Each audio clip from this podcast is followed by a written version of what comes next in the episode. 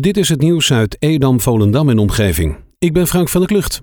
Gisteravond rond kwart voor zeven kwam er een melding binnen dat er langs het zeevangsdijkje in Edam een persoon te water zou zijn geraakt.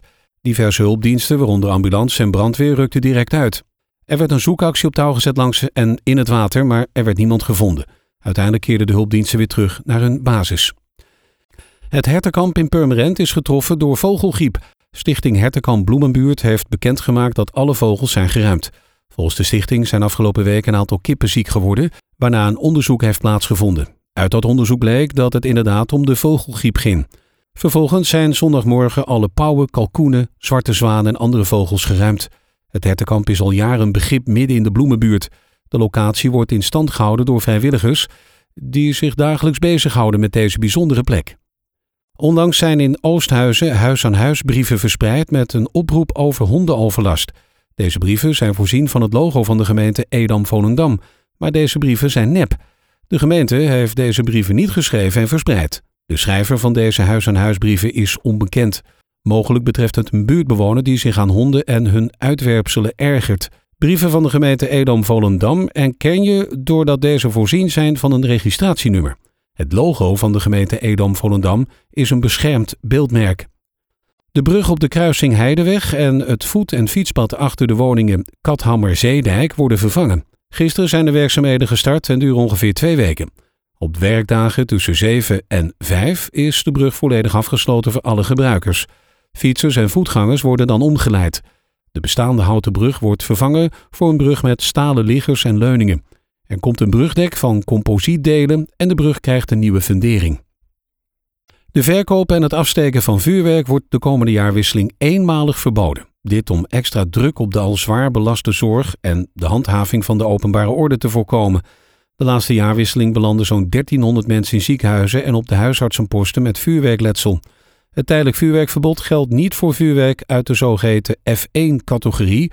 Dat is een licht soort vuurwerk zoals sterretjes, trektouwtjes en sierfonteintjes. De commissaris van de Koning, Arthur van Dijk, heeft het predicaat koninklijk uitgereikt aan Hackford Shipyard in Monnikendam. De onderscheiding betekent dat het 101-jarig familiebedrijf het predicaat koninklijk mag toevoegen aan de naam en de koninklijke kroon mag opnemen in het logo. Ook voor Monnikendam is het een primeur. De stad had nog geen koninklijk bedrijf in haar midden. Hackford Shipyard ontwikkelt superjachten tot 65 meter die tot de beste van de wereld behoren. Hiermee won het bedrijf al acht internationale prijzen. Vanaf volgende maand kunnen er in Zaanstad nog eens 300 extra coronatesten per dag worden afgenomen. Dat zegt GGD Zaanstreek Waterland. Er komt een extra teststraat naast de al bestaande locatie op de Ronde Tocht. Er kunnen per locatie zo'n 600 testen per dag worden afgenomen. In Zaanstad zijn er straks twee locaties. In Purmerend is er één teststraat. Op dit moment blijft een derde van de testcapaciteit over, maar op lange termijn verwacht de GGD een toestroom van mensen. Veel ondernemers en sportclubs staan momenteel voor een financiële uitdaging. De inkomsten lopen terug, maar vaste kosten zoals energie blijven doorlopen. Door teruglopende inkomsten is kostenbesparing op dit moment van doorslaggevend belang.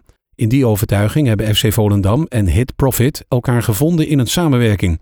FC Volendam en Hit Profit slaan de hand ineen om te verduurzamen op energiegebied. Via de Hit Solution heeft FC Volendam volledig inzicht in het energieverbruik. Door middel van het op maat geschreven actieplan kunnen energiebesparende maatregelen worden genomen om het energieverbruik omlaag te brengen. In de Noord-Hollandse veengebieden is bodemdaling een groot probleem doordat het veen uitdroogt. Het land daalt 1 tot 5 mm per jaar, elk jaar weer. Tegelijkertijd stijgt de zeespiegel, dus het verschil tussen land en water wordt steeds groter volgens Peter Hogevorst, programmamanager bij provincie Noord-Holland. De zorgen rondom bodemdaling zijn groot. Er zijn ongeveer 1 miljoen huizen die door die pijlverlagingen straks problemen krijgen met hun houten funderingen. In Assendelft wordt daarom sinds drie jaar getest met zogenoemde drukdrains. Door met deze drains, vooral in de zomer, water te infiltreren, blijft de bodem nat en blijft de al zo dunne laag veen ook behouden. Tot zover het nieuws uit Edam, Volendam en omgeving. Meer lokaal nieuws vindt u op de Love Kabelkrant, onze website of in de app.